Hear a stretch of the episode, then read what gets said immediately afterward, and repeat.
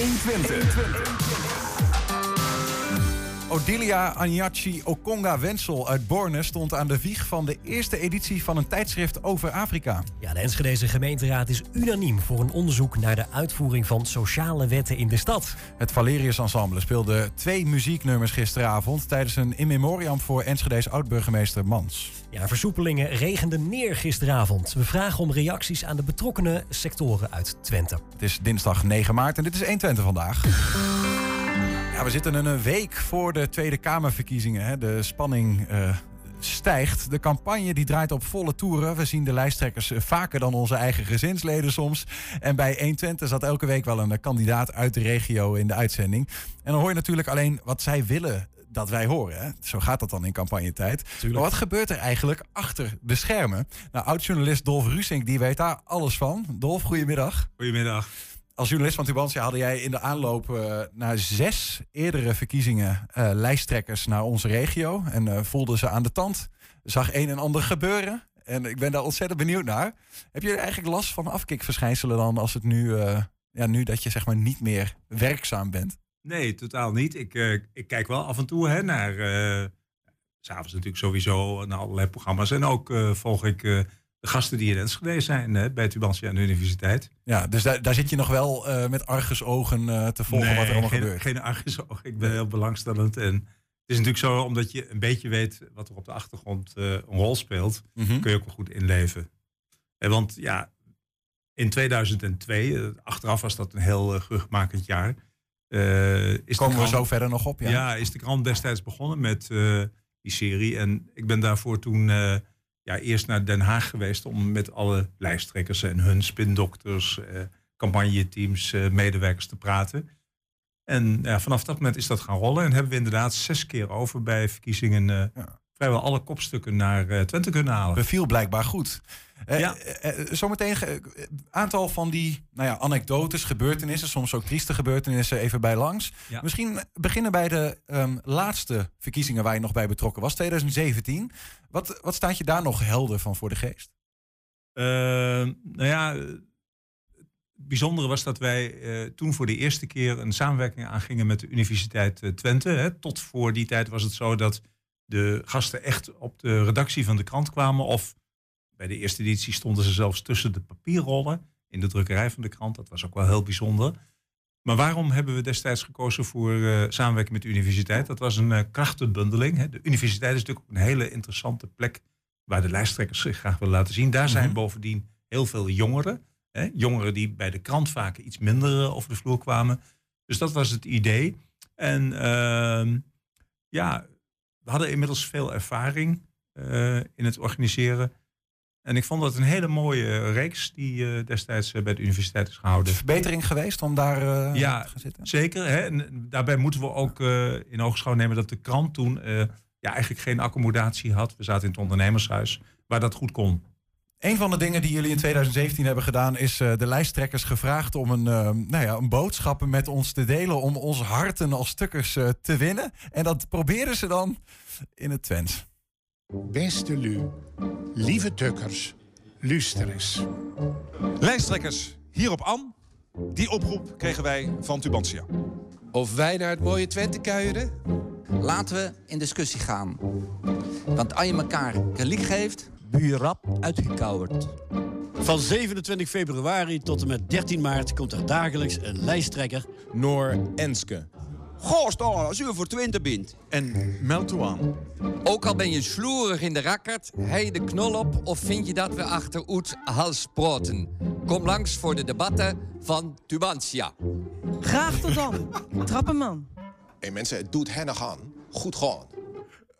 Is toch prachtig? Dit is toch prachtig, Ik moet ook denken aan die, die, die Segers altijd met zijn Egypte-verhalen. Hij klinkt ook als een Egyptenaar als hij zo praat. Nou, zo'n mummie is het niet. En uh, wat misschien wel leuk is om te vertellen... Uh, dit was overigens een idee destijds van uh, de mensen van de internetredactie... om de lijsttrekkers te vragen of ze inderdaad in de Twents hun komst wilden aankondigen. We hadden daarvoor allerlei bordjes gemaakt waar de teksten op stonden. En die konden we eigenlijk ze voorhouden, want ze kunnen dat natuurlijk niet uit hun hoofd. Maar er gebeurde iets. Uh, uh, Mark Rutte zei tegen mij: eh, Dolf, daar begin ik echt niet aan hoor. Dat, uh, nee, dat, dat ga ik niet doen. En omdat inmiddels de andere lijsttrekkers het wel Ja. hadden gedaan, zei ik van ja, maar alle anderen eh, hebben het wel gedaan. Dan ontbreek je dus. Nou, oké, dan doe ik het wel, zei hij. Dus ehm, je wordt natuurlijk in eh, die hele periode ook door eh, de partijen natuurlijk wel een beetje uit, eh, ja, zeg maar uitgeprobeerd. Hè? En soms, eh, nou, ik herinner me nog bijvoorbeeld dat ooit Gerrit Salm was de lijsttrekker van de VVD. Mhm. En eh, twee dagen voordat hij naar Enschede zou komen, belde de VVD mij en zeiden: Ja, we wilden het even hebben over eh, Gerrit Salm. Die zou komen. En het woord zou vond ik al merkwaardig. Ik zei: Zal komen? Nee, want hij heeft nog een debat in het noorden van het land. En we sturen een ander. We sturen een vervanger. Jullie hadden alles al geregeld. Ja, natuurlijk. ik zei: Dat mag je best doen, maar die vervanger die, hoeft niet te komen, want dan schap ik hier bij de bijeenkomst. Nou, daar schrokken ze een beetje van. Ze zeiden, ja, nee, eh, moeilijk, moeilijk. En een dag later belde de VVD terug en zeiden ze, nou, vind je het goed dat we het tijdstip één uur veranderen? Dus dat we een uurtje later zijn. Nou, ik denk, dan valt er over te praten. Dan huren we in dat geval een helikopter en dan vliegen wij Gerrit Salm naar Enschede. En zo is het gebeurd. En dat is natuurlijk iets waar je als organisatie eh, rekening mee moet houden. Op het laatste moment kunnen er nog veranderingen zijn. En ja, jij bent dan een beetje een speelbal als je niet sterk genoeg in je schoenen staat van die partijen. Was jij dan ook de persoon die, daar, die er echt voor moest staan? Ja, Was- ik ja. eh, ben in alle gevallen, en het klinkt misschien raar, maar ik was voordat de verkiezingen begonnen, een jaar vooraf ging ik al naar Den Haag. Begon het touwtrekken al? Ja, nou touwtrekken niet, maar dan legde ik al dingen vast. Ja. En het heeft ook natuurlijk te maken met iets anders, namelijk het opbouwen van een, eh, een band, een vertrouwensband. Hè? En op het moment dat je, en dat is gebeurd bij Tubantia, de eerste serie heel goed neerzet. Hè? eh, we waren bovendien de enige krant in Nederland die dat deed. hè? Eh, dan, eh, ja, dan win je ook het vertrouwen, denk ik, van die anderen. Ik wil naar die eerste editie even toe, Ja. 2002. De verkiezingen waren toen in gut, 15, 15 mei. 15 mei 2002 waren de verkiezingen. Op 6 mei ehm, wordt Pim Fortuyn vermoord dat Ja. jaar. Hij was lijsttrekker van de LPF, opkomende partij toen. Was hij toen al bij jullie geweest? Het is zo gegaan, nee. Ehm, ik had Fortuyn eh, benaderd en hij had eh, toegezegd eh, te komen. En hij zou, en dat was nog wel bijzonder, de reeks van alle lijsttrekkers afsluiten. En hij zei nog hè, van, oh, wat aardig van u dat u de grootste partij voor het laatst heeft bewaard. Hè, dat was natuurlijk een hele grappige Want wanneer zou, wanneer zou hij langskomen? Hij zou komen op eh, 13 mei. Ja, ja, op zijn typische manier. Hij Ja. minister-president. Toen dat overigens gepubliceerd werd in de krant, eh, kwamen er nogal wat reacties binnen van mensen uit Enschede die zeiden: dat gaan wij verhinderen. Men vond het namelijk niet gepast dat Fortuyn, die voor sommige mensen een omstreden figuur was, op de dag van de herdenking van de vuurwerkramp in Enschede zou komen. Dat was een soort heilige dag. 13 mei natuurlijk, ja. Ja, en, Twee jaar na eh, dato. Achteraf heeft dat nog een rol gespeeld in het eh, onderzoek dat justitie deed naar de moord op Fortuyn. Want men wilde ook bij ons weten of er inderdaad dreigementen waren binnengekomen. Hè? Uiteindelijk, eh, we weten allemaal hoe die moord eh aanslag is werkers gegaan.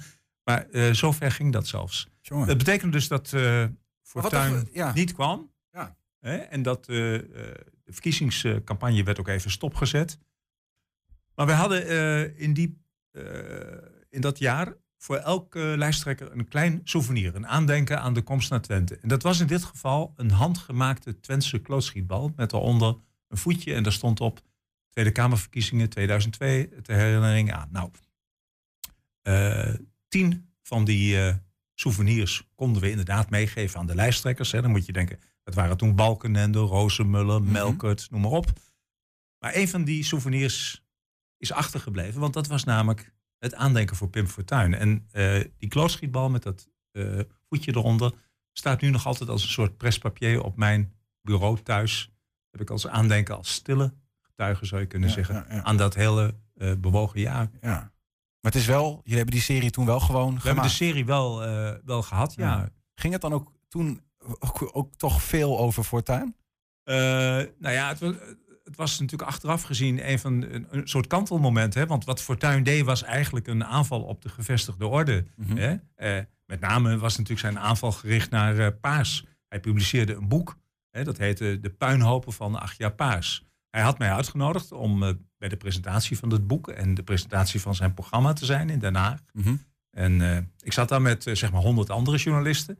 En toen is, en dat vergeet niemand meer, er het beruchte voorval geweest met de taarten drie taarten die in het gezicht van Pim Fortuyn werden gesmeten, geduwd. Poep erin geloof ik ook. Daar hè? zat kippenstront in. Ja. Hè, Dus het is een geur die men nog altijd eh, ja, aan die dag doet herinneren. Ehm, een, een figuur die in het verlengde ligt van Pim Fortuyn. Ik hoop niet dat ik daar mensen tegen de schenen schop. Bedoel ik niet zo. Maar Geert Wilders, eh, toch een beetje eh, op sommige vlakken eenzelfde gedachtegoed. Eh, is, is hij ooit naar Enschede gekomen? En hoeveel gedoe gaf dat? Nou, in totaal is Wilders drie keer in Enschede geweest bij de krant. Twee keer bij de verkiezingen en één keer apart in het Volkspark in Enschede. Op een zondag. Toen hadden wij de serie Goed Gesprek op zondag. En toen is Wilders daar gast geweest. Vergezeld overigens toen van ongeveer, denk ik, eh, een dertigtal eh, veiligheidsmensen, politie inbegrepen. Ehm, ja, ook met Wilders is het zo dat, eh, om te beginnen even, Wilders heeft eigenlijk twee gezichten. Als je Wilders een camera, een microfoon, een aantal journalisten, zeg maar, voor hem zet, dan is hij de Wilders zoals we hem kennen. Hard, onverbiddelijk, zeer scherp, aanvallend. Maar als mens is hij privé een bijzondere, aardige, misschien zelfs wel wat zachtaardige man. Die achter de schermen overigens met Rutte en al zijn opponenten uitstekend overweg kan. En die ook bij zijn bezoek aan Enschede aan de krant altijd eh, ja, zeer belangstellend was. Ook eh, nou ja, over datgene wat er bij de krant gebeurde, wat er met lezers gebeurde. Hoe kijk jij daar dan naar? Want je kent die, die, die mensen, nou kennen, hè? Je, je spreekt ze achter de schermen. Je ziet een andere Wilders. Ja. En die camera gaat aan en ze schieten in hun, nou ja, hun rol als politicus. eh, Misschien wel wat mensen van hun verwachten. Heb je dan zoiets van, ja, ik begrijp dat. Ze moeten ook dit verhaal op die manier verkopen. Of, of denk je ook wel eens wat anders? Nee, ik, eh, ik begrijp dat wel. En het was bij Wilders zo dat, eh, nogmaals, hij is nogal attackerend. Dus hij werd on- on- ondervraagd door journalisten van de krant. En op een gegeven moment ontstond er een, ja, een hele felle, zeg maar, discussie, interview. En toen beet Wilders de verslaggever van Tubantia toe. Weet u wat u bent, meneer? U bent niets anders dan een checkrokkende D66er. En ja, nou, dat, ze lachen natuurlijk in de zaal. Nou, het interview was afgelopen. Eh, Wilders deed zijn eh, microfoon af. Hij liep naar mij toe. Hij zei, goh, waar is die collega van jou? Ik wil nog even een sigaretje met hem roken. nou, en dat, dat typeert natuurlijk eigenlijk wat er dan achter de schermen gebeurt. Ja, ja, ja. Ik ben bovendien in eh, de werkkamer van Wilders geweest in Den Haag. En dat was toen hij uit de VVD is getreden. Eigenlijk niets anders dan een soort goed verstopt eh, nou ja, hok op de bovenste verdieping in de Tweede Kamer destijds. Waar hij eigenlijk zeer streng beveiligd helemaal alleen zat. En daar heb ik hem ooit met een collega bezocht. En dat is de basis destijds geweest van zijn komst naar Enschede. Je zou ook kunnen zeggen dat die dat. Want ik denk dat elke politicus ergens, als ze dan aan die tafel zitten bij die universiteit, een, in een rol schieten. En misschien dat het voor hen ook wel een, een spel is, die arena, zeg maar. Ze, wat je zegt al, Geert Wilders heeft een iets andere rol dan dat hij achter de schermen heeft. Dat is ook wel soms misschien waarvan mensen denken: ja, zit daar nou een echt mens of zit daar een, een spreekpop, zeg maar? Ja. Nou ja, dat oordeel is natuurlijk aan iedereen eh, zelf. Wij hebben de mensen eh, in, in al die reeks series en ook in, in de tijd... Ik heb zelf een, een, een jaar in Den Haag mogen werken. Eh, ja, dan zie je ze toch ook wel een beetje van een andere kant. En we moeten natuurlijk weten dat eh, die verkiezingstijd, die campagnetijd... dat is natuurlijk een, eh, ja, een, een, een, soort eh na-competitie... maar een soort belangrijke fase zelfs, zoals je het in het voetbal hebt... Mhm. waarin echt van alles gevraagd wordt. Nou, om een voorbeeld te geven... Balkenende, hè, de lijsttrekker van het CDA, kwam in de tijd dat hij al premier was als lijsttrekker naar, naar Enschede. Hij ging de avond vooraf al naar een hotel in Twente en ging zich daar met zijn spindokter, iedereen kent hem nog wel denk ik, Jack, Jack de Vries, ja zeker. Later nog zelf minister geworden, Ja. geloof ik. Hè? voorbereiden op eh, eh, zeg maar de dag dat hij bij Tubantia zou worden geïnterviewd. En dan moet je je voorstellen, eh, Jack de Vries had mij gevraagd, Dolf, mag ik je dan s s'avonds thuis vast even bellen?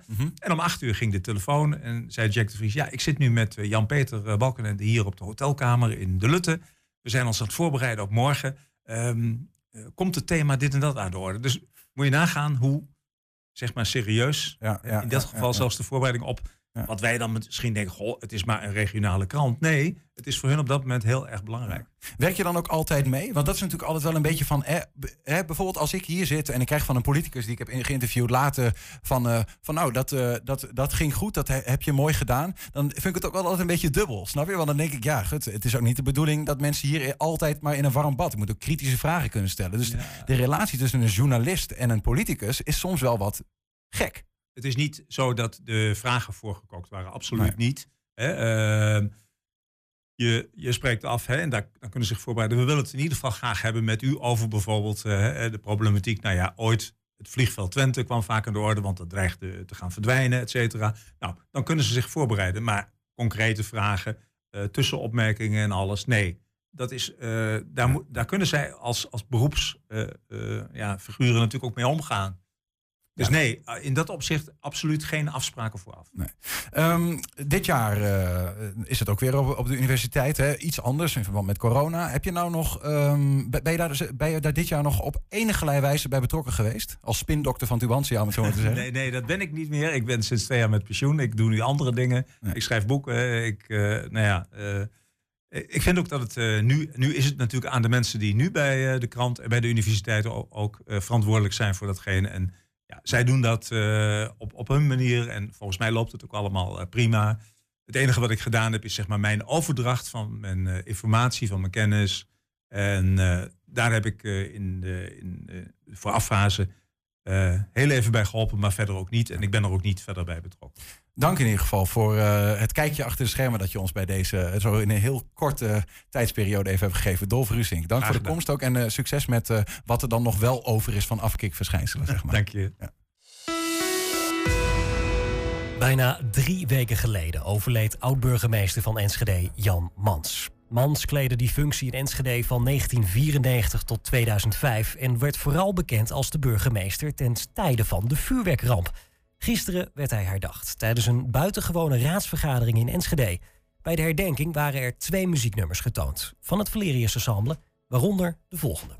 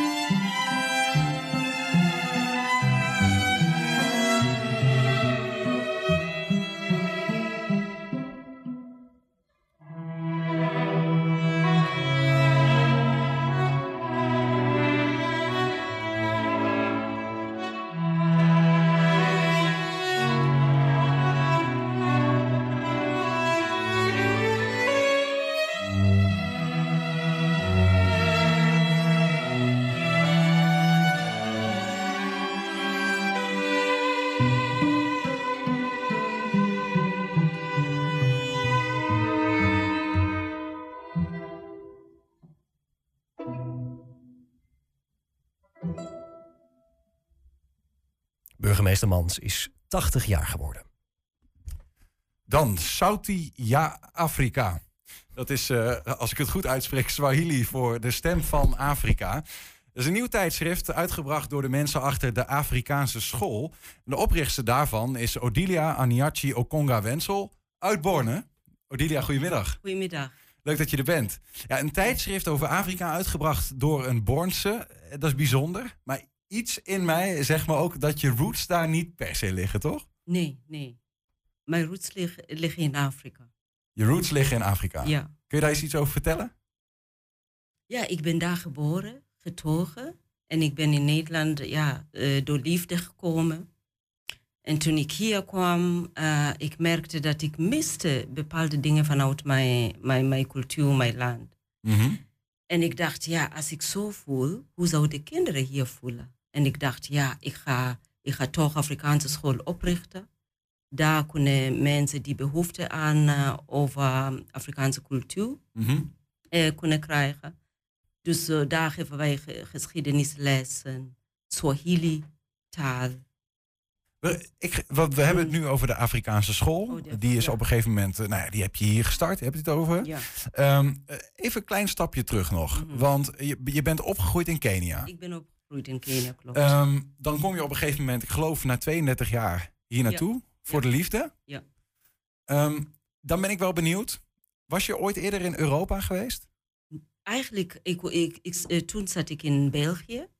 Ik was gewoon in België op bezoek uh, gekomen. En een vriendin hier in Hengelo heeft mij uitgenodigd voor Afrika Festival. Oké, okay, en toen kwam je in Nederland. Ja, maar hoe ja. was je eerste kennismaking met Europa? Waar alles denk ik toch heel anders is dan... Heel anders. De kou, sneeuw. Ik had nog nooit sneeuw gezien.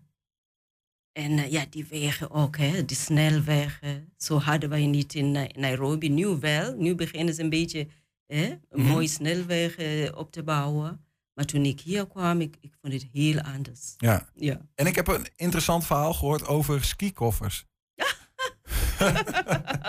Klopt, toen ik hier kwam, ja. Ik zag auto's langs rijden met, met skikoffers. Maar ik dacht, oh, dat is een kist. Oh, die mensen hebben iemand verloren, iemand is dood.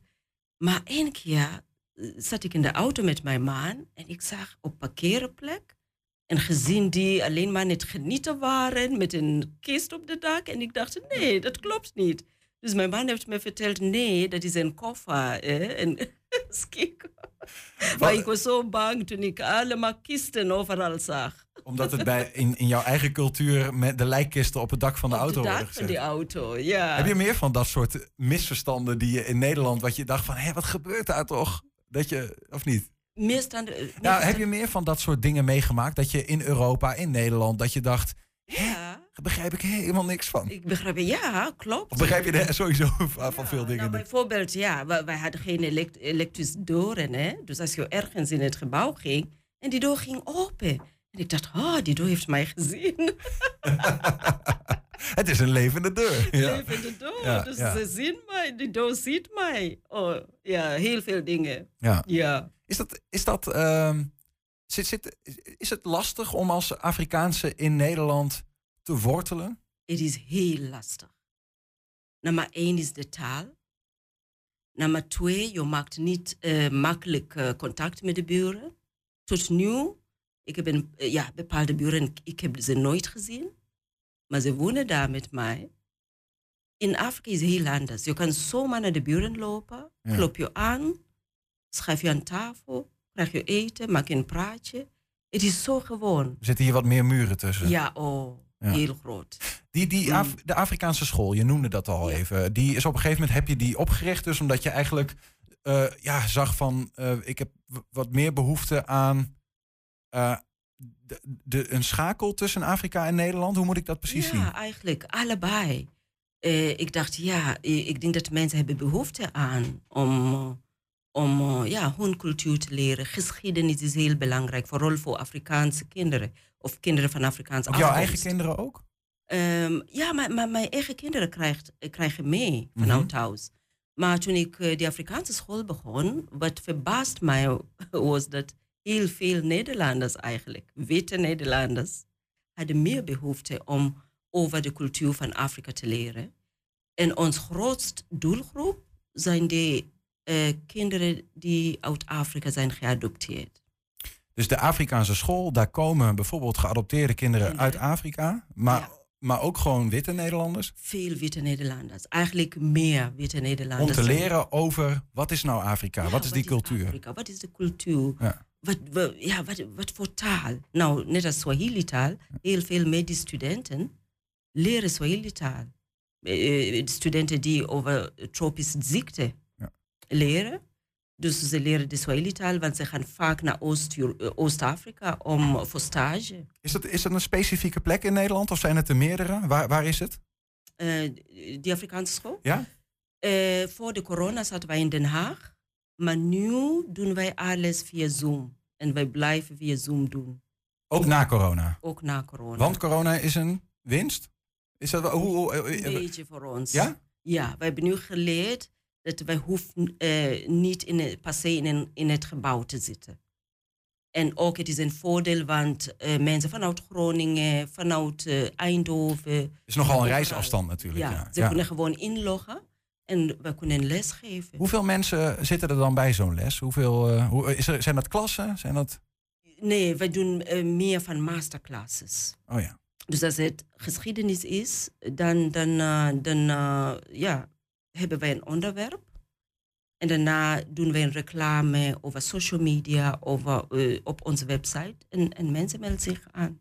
Dus het is per Ja. onderwerp kun je Per aanmelden en dan kun je erover ja. over leren. Ja. Ehm, nu is er ook eh, een magazine. De eerste editie is, eh, is uit. Ja. Je, heb, je, hebt, je hebt volgens mij meegenomen, of niet? ja, ik heb een voorbeeldje. Ja, want dan, we hebben hier, hier voor jou, daar is een, is een camera. Misschien kun je de, de, het even zo... Ja, zo zien we hem goed. Ja. Zuid-Afrika. Ehm, w- van waar eh, het magazine? Waarom? Waarom, waarom, waarom het magazine? Ja, kijk, eh, vooral hè, na George Floyd, hè, iedereen wou begrijpen hè, wat, is, wat is een Afrikaan en wat is Afrikaanse cultuur. Mag ik maar zien? Even, Ja, even- eh, praat gerust verder hoor. Dan, Ja. En, maar wij dachten, dit is eigenlijk een, een tool voor Afrikaanse school. Dus alles wat wij in Afrikaanse school doen, kunnen wij in de magazine eh, ook eh, uitleggen. Mhm. En, en mensen kunnen kopen overal. Maar dit is in het Engels, maar die tweede editie willen wij ook in Nederlands doen.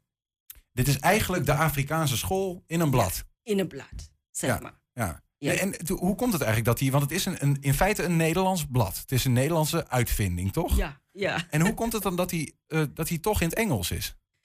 Want die mensen die hebben eh, Afrikaanse school, je merkt dat in Afrikaanse school, wij, wij gebruiken ook alleen maar Engels. Waarom? Ons bron komt uit Afrika. Die mensen in Afrika, ze kennen geen Engels. Mhm. En die mensen die aan het werk zijn op, over de Afri- in de Afrikaanse school en de magazine, ons, ja, ons voertaal is Engels. Ja, ja. Mm. En als je hem naar het Nederlands moet ombouwen, dan daar heb je nog wel wat dingen voor nodig, denk ik. Want de mensen die, die goed kunnen vertalen, en dat kost Ja, geld. Is dat kost er allemaal? geld daarom, om, omdat wij, wij zijn eigenlijk zonder subsidie begonnen. Dus het is een heel duur klusje ge- geweest. Mhm. En daarom hebben wij alleen maar ons kracht gebruikt. Ja. Ja, dus wij hebben zelf verhalen geschreven, ons netwerk in Afrika benaderd. Maar die, die, ja, wij zoeken nu subsidie eigenlijk. En mensen die kunnen ons helpen met vertaling.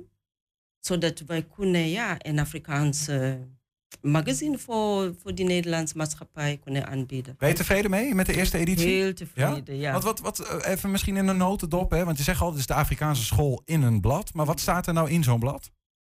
Wat staat er? We hebben eh, fashion, mode. We hebben recepten van eten.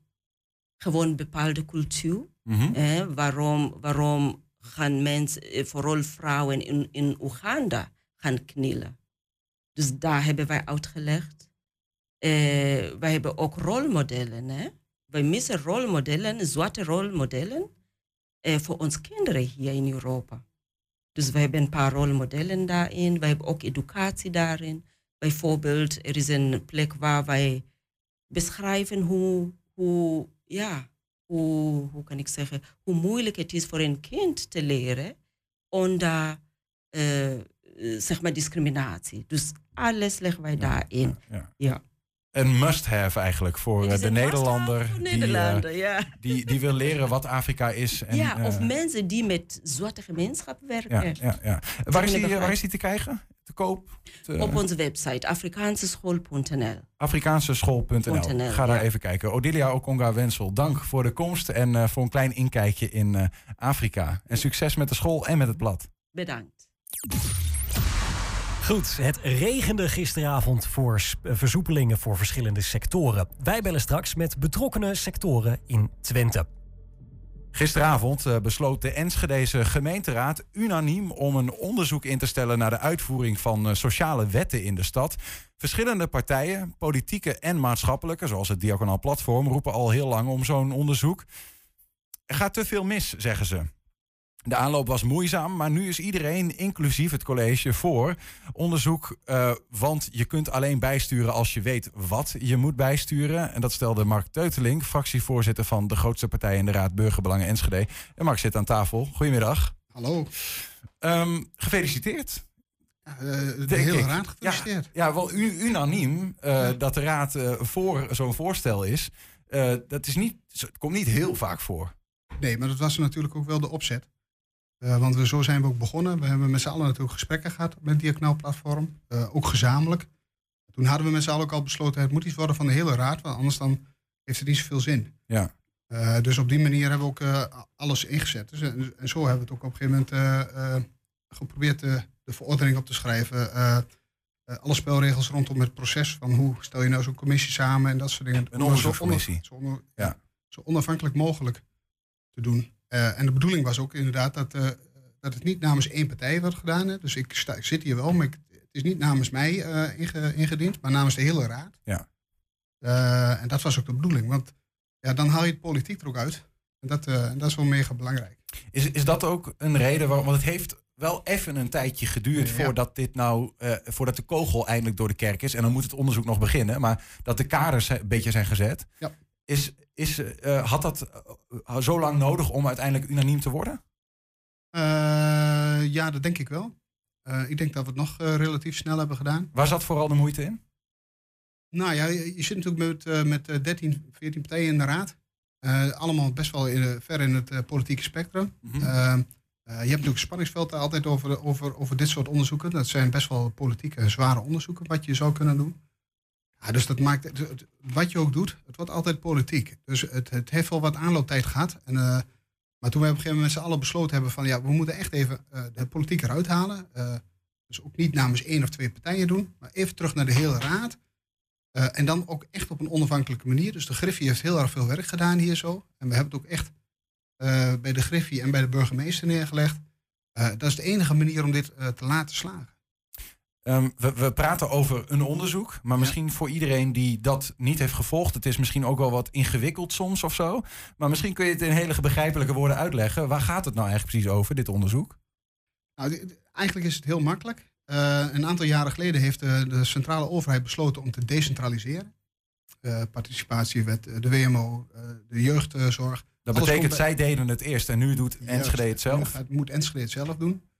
Eh, dus daar, daar, daar horen wat regels bij, dat soort dingen. En eh, een, van de, een van de achtergronden achter de decentralisaties is dat je als gemeente ook meer maatwerk zou kunnen leveren. Tegelijkertijd zijn de wetten die erachter zitten zo enorm stringent, is dat je ook niet zo heel veel ruimte hebt. wat Dat betreft. Ja, wat er nu gebeurt, is dat men eh, ziet dat er hier en daar wat, misschien wel de regels wat heel strikt worden opgevolgd. Bij meerdere mensen, dus bij, gro- bij grote groepen mensen. Eh, en eh, nou, heel veel mensen zeggen dan van ja, dat, eh, dat is niet goed, dat doet de gemeente niet goed. De gemeente zegt van nou ja, dat ligt ook heel veel in Den Haag. We en- moeten wel zo streng zijn. we moeten wel zo streng zijn. Nou, toen hebben we gezegd van, nou ja, we hebben in ons coalitieakkoord ook gewoon opgenomen van dat je altijd bereid moet zijn om bij te sturen. Bijsturen is een belangrijke achtergrond, een belangrijke eh, kader waarop we een coalitieakkoord hebben gedaan, een lerende organisatie. Mhm. Ja, dat kun je alleen maar doen als je gaat onderzoeken van wat speelt er nu eigenlijk? Wat is er nu eigenlijk aan de hand?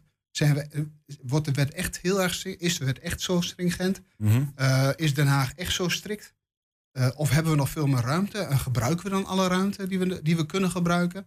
Want Nou, dat is wat Enschede eigenlijk wil. Dat is wat jullie als raad Ja. willen. Dat alle ruimte die je hebt binnen Nou de ja, wet. alle ruimte. Ja, als op een gegeven moment. Kijk, als mensen geraakt worden. Mhm. en je kunt daar wat aan doen, ja, dan moet je er wat aan doen. Maar je moet wel eerst onderzoeken van wat, wat is nu eigenlijk het verhaal. Dus wat, Ja. wat speelt er nu eigenlijk? Eh, ligt het in Enschede? Kunnen wij daar zelf wat aan doen? Eh, of moeten we toch naar Den Haag om te zeggen van nou, Den Haag, jullie wetten zijn wat eh, te strikt. Hè? Dus we moeten eerst weten wat we kunnen doen voordat we überhaupt iets gaan doen. Ja. En daarvoor hebben we dit onderzoek op een gegeven moment nou, heel mooi unaniem aangenomen. Dus, Hoe zien nou de kaders van dat onderzoek er dan uit? Want we- met- welke partijen ga je bijvoorbeeld praten? Want er zijn een aantal partijen die meespelen in het verhaal. Hè? Je hebt Ja. eh, de politiek, je hebt de ambtenaren die, die die wetten uitvoeren. Maar je hebt misschien ook wel partijen als Diaconaal Platform... die van de zijlijn meekijken en zien wat er soms gebeurt in de uitvoering. Nou ja, ik hoop, ik hoop, het is natuurlijk een externe commissie. Die commissie kan in principe zelf bepalen eh, met wie ze gaan praten. Dus wij gaan, we hebben afgesproken dat wij niet gaan vertellen, jullie moeten met die praten, met die praten. Dat is helemaal het, open. Het is echt onafhankelijk. Het is een echte onafhankelijke externe commissie. Eh, en wij als raad gaan niet sturen. Want dat hebben we gisteravond ook met z'n allen heel duidelijk uitgesproken. De raad stuurt niet. Het college stuurt ook niet. En op onafhankelijke manier wordt het onderzocht. En die eh, externe commissie die kan zelf bepalen eh, met wie ze gaan praten. En ja, ik, ik weet wel heel zeker. Ze gaan met het diakonaalplatform praten, eh, praten en met allerlei sociale organisaties. Maar ze gaan ook met het college praten. Eh, ze gaan ook met ambtenaren praten. Dus eh, misschien ook wel met ons. Dat weet ik helemaal niet. Dat, eh, maar dat ligt bij hun. Uit, wie, uit welke personen bestaat die onderzoekscommissie? Is dat ja, bekend? dat is nog niet bekend. Er zijn wel, er is ehm, door de raad, maar ook extern zijn er namen, konden er namen worden ingediend van mensen die het zouden kunnen trekken. Dus die, die onderdeel zouden kunnen zijn van die commissie. Die namen die zijn bekeken door de Griffie. Daar zijn op een gegeven moment een soort prioritering aangebracht. Eh, en de burgemeester die gaat dan op een gegeven moment daar nog een keer even in kijken. En de burgemeester gaat dan de voorzitter, Mhm. een voorzitter benaderen. Nou, dat moet wel iemand zijn van eh, behoorlijke statuur. Want het gaat wel om een zwaar politiek onderzoek wat dat betreft. En die, Heb je, eh, heb, je eventuele, heb je eventuele namen? Nee, ik heb geen namen. En als ik het dan had ik het nog niet mogen zeggen. Oké. Dus, maar ik heb, ik heb een aantal namen, maar ik weet niet wie ze gaan. maar Hoe zorg, je dat die onafhankelijk zijn? hoe zorg je dat die onderzoekscommissie onafhankelijk wordt? Dat die dus niet, want als de burgemeester die onderzoekscommissie kiest, Nou, de, de burgemeester kiest niet de namen. Dus eh, de, de, de lijst van eh, wat we gedaan hebben, is dat we een, eh, iedereen gevraagd hebben van geef namen. Die lijst is extern geprioritiseerd. Daar heeft de Griffia meegeholpen. Eh, we- dat weet ik even niet meer precies, maar er zou ook de externe leden van de rekenkamer aan meehelpen. Mhm. En eventueel de burgemeester, die heeft dan ook nog een kleine C erin, want die is onafhankelijk, de burgemeester. En dan wordt er op een gegeven moment op basis van, van prioritering, of van, van ja, wordt er gekeken naar wie zou dan de voorzitter kunnen zijn op basis van de voorzitter. Ja. Die heeft dan een, een C wie er dan naast, die, naast hem nog in die commissie komt. Dus we hebben geprobeerd zo onafhankelijk mogelijk te doen, zonder inmenging van het college, zonder inmenging van de raad. Dat moet echt buiten ons bij. Daarom weet ik de naam ook niet. wanneer gaat het een en ander plaatsvinden? Is dat wel duidelijk? Eh, ja, de bedoeling, eh, de bedoeling is dat wij over twee weken weer een ingelaste raadsvergadering hebben. En tijdens die raadsvergadering eh, eh, hoop ik dan dat de commissie op een gegeven moment ingesteld kan worden. En dat de dag daarna meteen al begonnen kan worden. Dus dat ze meteen al eh, kunnen En gaan tot? onderzoeken. Heb je, heb- of is het Ja, gewoon totdat het klaar is? Ja, dat, nou, we, in principe hebben we gezegd van het liefst voor de zomernota. Dus de zomernota zou je nog op een gegeven moment daar actie op kunnen ondernemen. Dus de kadernota. Maar mocht het langer nodig zijn, mocht, er, mocht het langer duren. Het gaat wel om de kwaliteit van onderzoek, de kwaliteit van het advies. Ehm, Dus- Stel even, we zijn nu eh, in de zomer. En de zomer, eh, de- het, het is, eh, dat onderzoek is afgerond. Daar komen be- bepaalde bevindingen uit en aanbevelingen. Ja. Gaat de raad dan ook unaniem achter die aanbevelingen staan? Ehm, ik, ik, ik, ik neem aan dat de raad dan op een gegeven moment die, die aanbevelingen zeer serieus gaat nemen. Ik weet niet of ze unaniem worden gedaan, want het kan best zijn dat daar, in de, dat daar wat politiek in zit. Eh, maar ik geloof eh, dat eh, hoe apolitieker het is, hoe makkelijker het wordt. Kun je, kun, je, kun je proberen om uit te leggen wat je daarmee bedoelt? Dat het, dat het dan politiek wordt in plaats van... Nou ja, we hebben, kijk, ehm, je kunt als Enschede, ehm, we hebben natuurlijk een coalitieakkoord. En bij het coalitieakkoord hebben we keuzes gemaakt. En die keuzes betekent dat je op andere gebieden bepaalde dingen laat. Mhm. om op, op, op het gebied waar je daadwerkelijk voor kiest, iets te kunnen doen. Als nu op een gegeven moment zegt van, eh, jullie moeten de volledige keuze andersom doen. Ja, dan wordt dat wel een politiek spel. Want dat betekent, zou je betekenen dat je aan je coalitieakkoord moet gaan sleutelen. Nou, dat, ja, daar, daar moeten we het dan over hebben. Dat is waar, Mark. Maar, maar aan de andere kant hebben we het hier over een sociaal domein. waarvan de regel eigenlijk is dat al het geld wat daar gevraagd wordt. aan de, aan de kant van de inwoner. wat binnen de kaders van de wet hoort. moet er ook gegeven worden. Eh, ja, voor een aantal. Ja, dat zijn, er zijn een aantal regelingen die zijn open einde. En dat wordt ook gewoon gedaan. Dat is wettelijk. Eh, maar wat je krijgt in Enschede, wat je ziet in Enschede. ehm, wij besteden eh, nou, 350, tussen de 350 en 400 miljoen van ons budget, van onze begroting, Mhm. aan het sociale domein. Wij doen daar als Enschede elk jaar 20 miljoen bij. Dus al het geld wat we krijgen vanuit, vanuit het land, dat, dat wordt gelabeld. Hè? Eh, in Enschede komen we daarvoor op tekort. Eh, dus dat betekent dat wij daar 20 miljoen bij moeten doen. Op basis daarvan kun je dus twee dingen doen. Je kunt ze bezuinigen. Dus je kunt zeggen van nou, we doen bezuinigingen in, het sociale domein. Dat kan niet overal. Bij open eindregeling kun je niet bezuinigen, want dat, ja, dat moet je gewoon betalen. Mhm. Maar er zijn wel wat bezuinigingen die je op andere manieren, eh, op andere plekken kunt doen.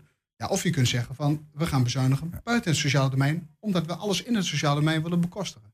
Ja, daar, daar wordt het politiek. De keuzes die je dan moet maken. ja. Duidelijk. Ehm, eh, interessant verhaal. Ik ben benieuwd naar de ontwikkeling. Wat daar eh, uit gaat komen, ook uit dat onderzoek. Ik denk dat dat de hele raad en misschien het college zelf ook wel eh, interessant ik- vinden. ik- het, is, het is unaniem. Dus iedereen is blij met het onderzoek. En ik ben er heel erg enthousiast over. Ja, we gaan het volgen. Mark Teutelink, voor, fractievoorzitter van Burgerbelangen. En in dit geval vooral een beetje van die hele raad misschien wel. Een woordvoerder van de raad in dit geval. Dank voor de uitleg. Alsjeblieft.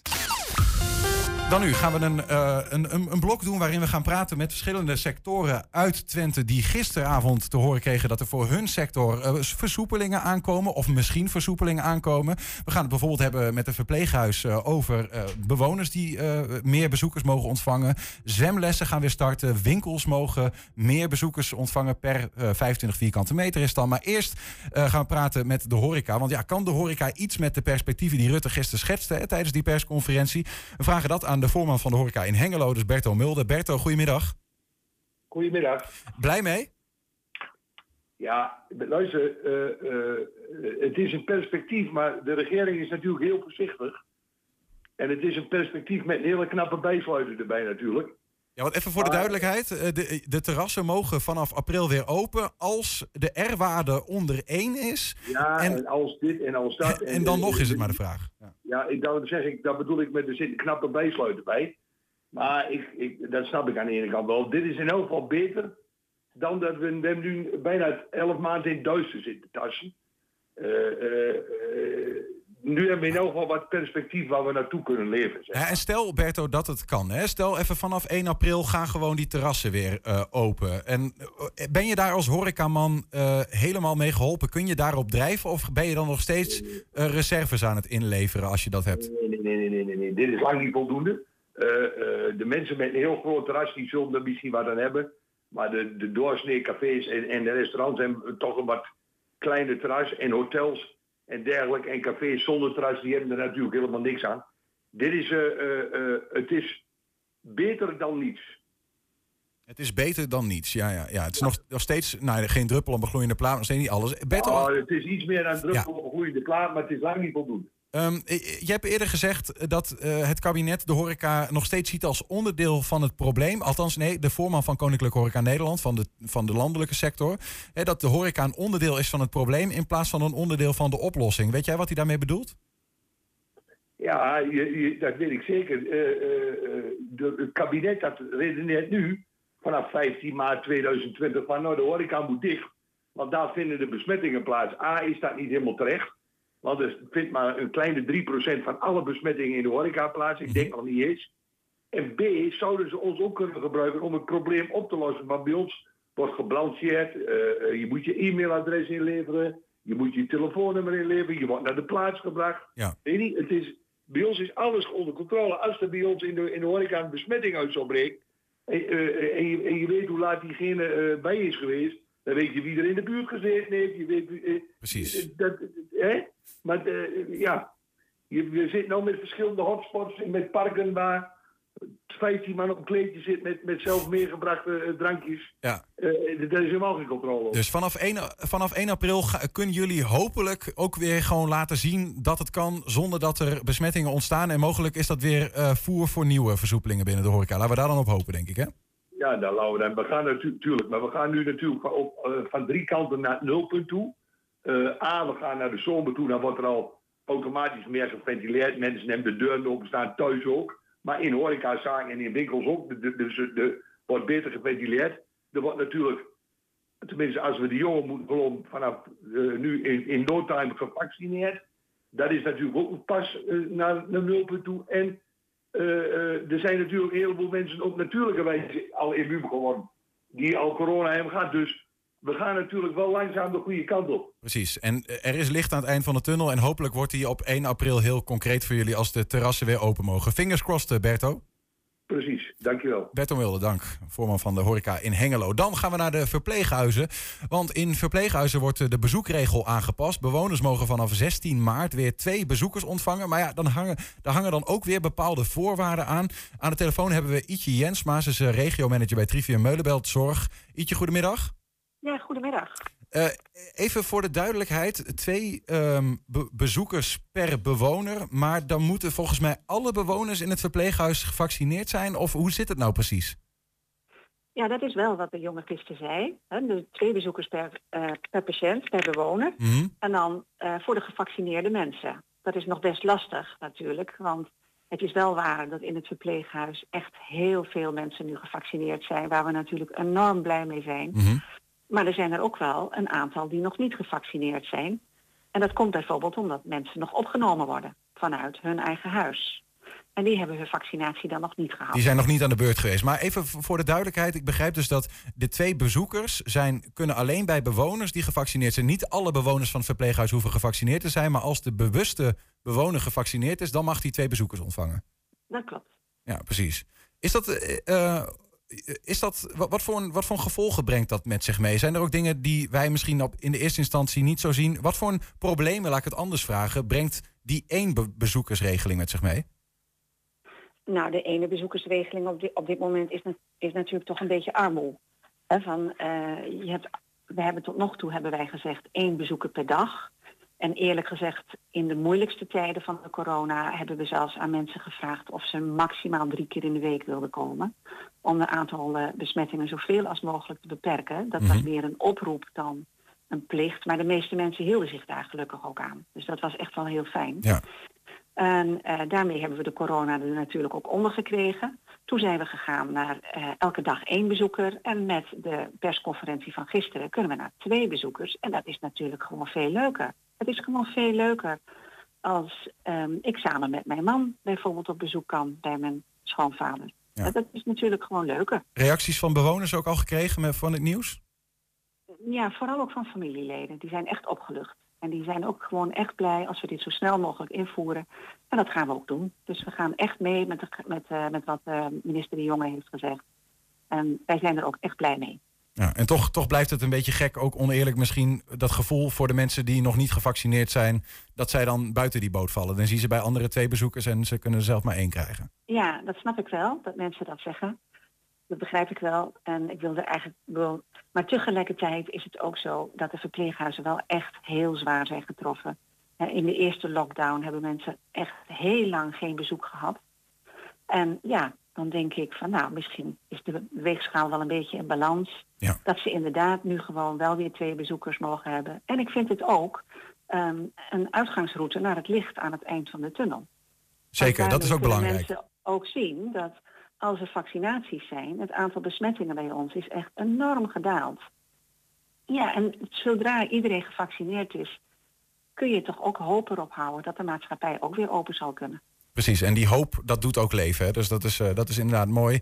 Eh, voor jullie geldt dus eh, twee be- bezoekers per gevaccineerde bewoner. Ietje Jensma van Trivium Meulenbelt Zorg. Dank. Goed zo, graag gedaan. Ja, en ook eh, de mensen die in het zwembad werken, die mogen weer kinderen ontvangen om ze eh, van zwemles te voorzien. Zwemlessen voor de jeugd mogen vanaf komende week weer. Ook het Twentebad start dinsdag 16 maart de lessen weer op. Aan de telefoon is Celeste Maholetti, die de schone taak heeft om de lessen van meer dan eh, duizend kinderen in te plannen. Celeste, goedemiddag. Goedemiddag. Om hoeveel kinderen gaat het in totaal precies? Het gaat ongeveer om 1200 kinderen die wij op les hebben. Goedemiddag. Dus dat zijn er nog wel wat. Hoe lang hebben die geen zwemles gehad nu? Eh, nou ja, sinds de lockdown eigenlijk. Eh, Is dat die van december? Ja, ja, klopt. Ja, dus eh, een goede drie, drie maand, denk ik ongeveer. Ja, zo ongeveer zal het zijn, ja. Betekent dat, wat betekent dat voor die kinderen? Moeten ze dan weer van vooraf aan beginnen?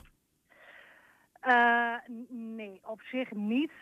Ik denk dat het wel zo is dat wat ze hebben geleerd wel redelijk blijft hangen. Het zal met name gaan om een stukje conditie. Ehm, angst speelt denk ik een grote rol. Eh, hoe jonger ze zijn, als ze dan nog heel bang zijn, ja, dan moeten ze weer die drempel over. Eh, dus dat is lastig. Ehm, maar goed, we gaan, we gaan ons best doen met de extra lessen die eh, op de plank liggen. Want je hebt het al, je noemt het al, die extra lessen. Hoe zit dat precies? Is dat iets wat jullie zelf alleen doen of gebeurt dat veel meer in het land? Ik hoop veel meer in het land, maar wij hebben in ieder geval gezegd we gaan proberen hè, met het oog op zwemveiligheid en eh, de zomer die eraan zit te komen al toch ehm, ja, extra lessen in te plannen. De kinderen hebben heel lang stilgestaan. Ehm, ja, zo willen we proberen toch het niveau een beetje weer omhoog te halen. En ehm, ja, hopen dat ze toch binnen afzienbare tijd kunnen afzwemmen. Er zijn best een aantal kinderen die anders nu al hun diploma hadden gehad. En ehm, ja, dat is dan toch wel eh, fijn dat ze dat binnen afzienbare tijd nog kunnen doen. Is dat een vraag vanuit de ouders of is dat iets wat jullie als zwembranche zeg maar, hebben aanbevolen? Eh, nou ja, beide eigenlijk wel. Ja. Er is heel veel vraag vanuit ouders.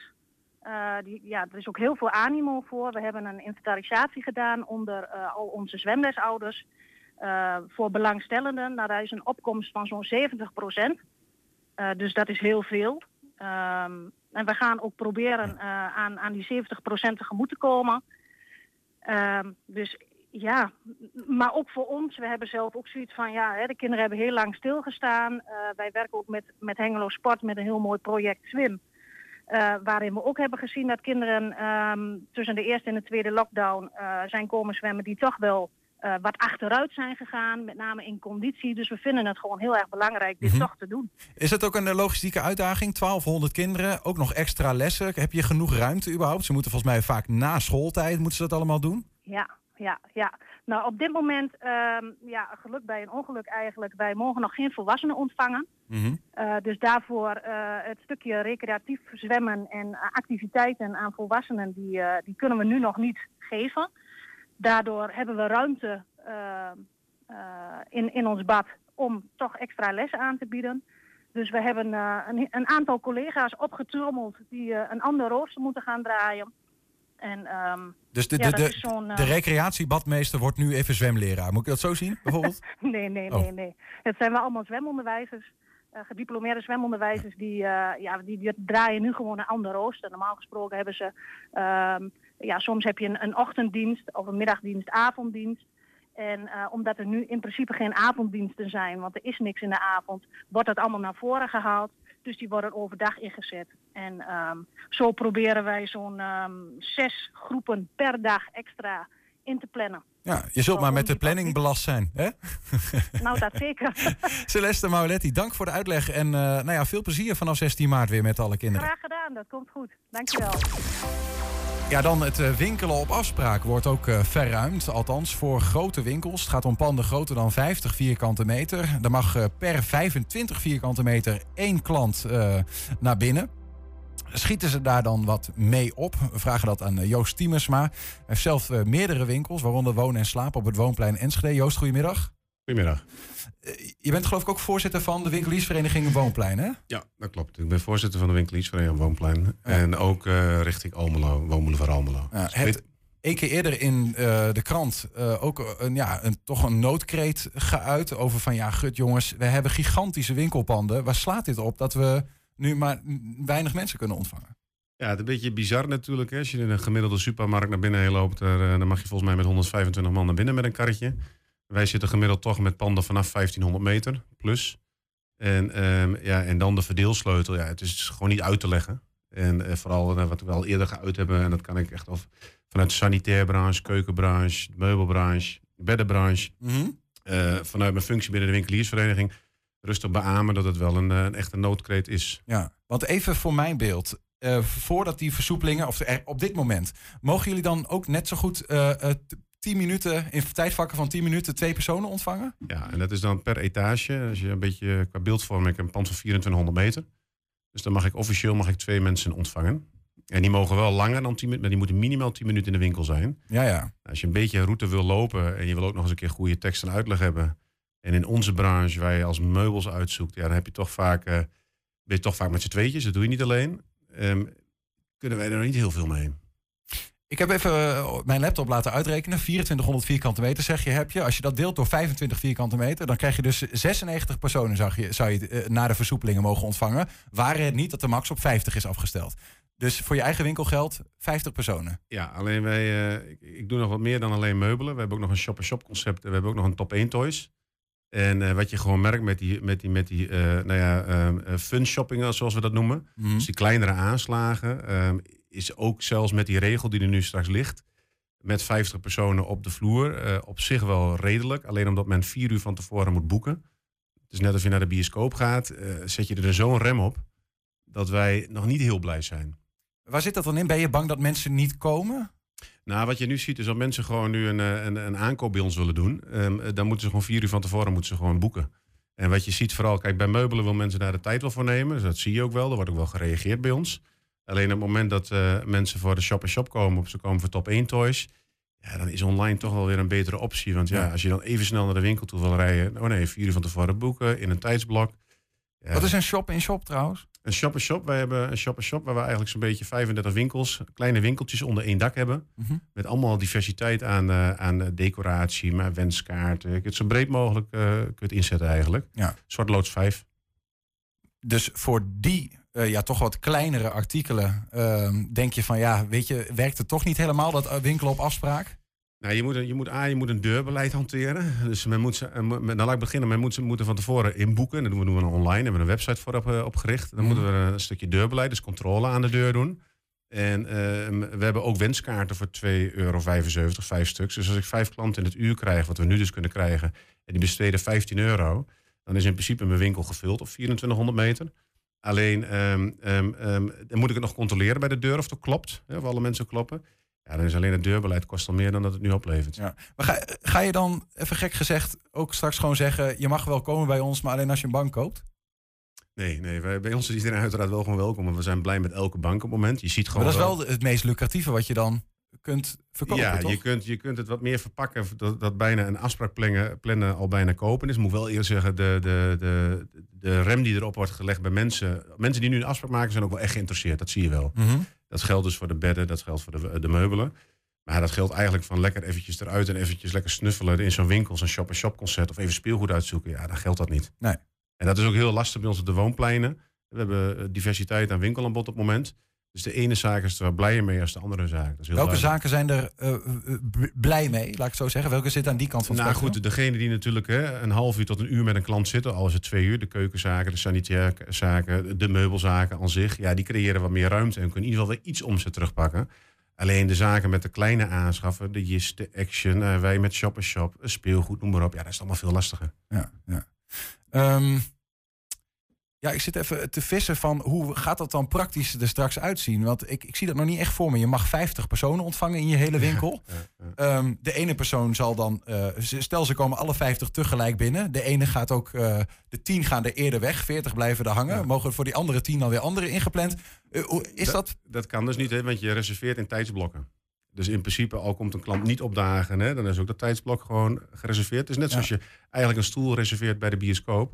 Zo doe je dat eigenlijk ook met winkelen. en tijdsblokken van? Hoeveel minuten Eh, dan? wij houden hand bij Shop Shop houden wij een half uur aan. Omdat ze toch voordat ze een rondje helemaal gelopen door de hele zaak. Ja, ben je gewoon een half uurtje onderweg als je Mhm. een beetje le- hebt gesnuffeld. Dus wij komen ook niet aan die aantallen continu. Dat loopt ook een klein beetje over. En dat maakt het ook een beetje lastig. Je bent meer bezig met een administratieve handeling.